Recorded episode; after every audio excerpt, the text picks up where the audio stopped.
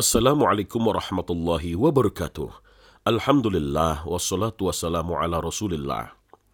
Setiap kesulitan selalu ada kemudahan. Begitu pesan Tuhan semesta alam ini yang terkandung dalam surat Al-Insyirah.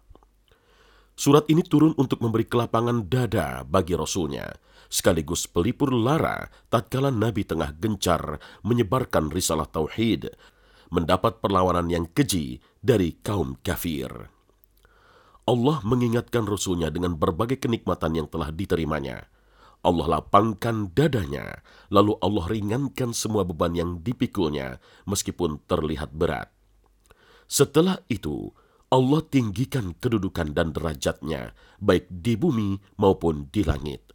Allah Ta'ala berfirman, Alam nashrah laka sadrak.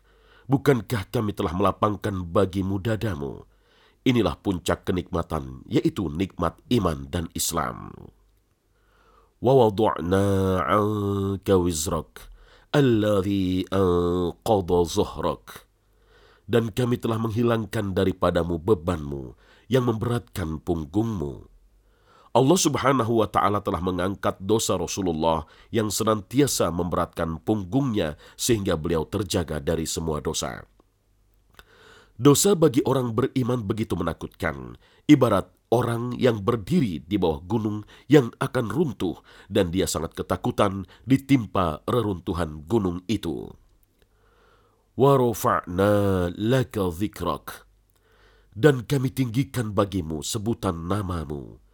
Nama Rasulullah Muhammad Sallallahu Alaihi Wasallam senantiasa disebutkan mengiringi nama Allah Azza wa Jalla seperti dalam syahadat, azan dan iqamah. Allah juga meninggikan nama beliau dalam hal ketaatan. Barang siapa mentaati Rasulullah, maka dia mentaati Allah. Begitu juga sebaliknya, bahwa barang siapa tidak taat kepada Rasulullah, berarti tidak taat kepada Allah.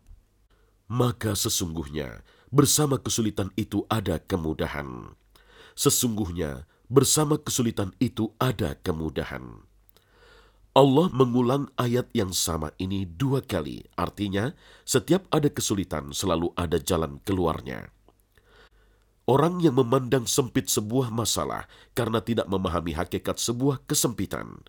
Sesungguhnya jika kesulitan itu datang, maka ia pasti disertai kemudahan. Hanya orang-orang yang berprasangka baik yang akan memahami hal ini. Insya Allah akan kita lanjutkan dalam episode berikutnya. Wassalamualaikum warahmatullahi wabarakatuh.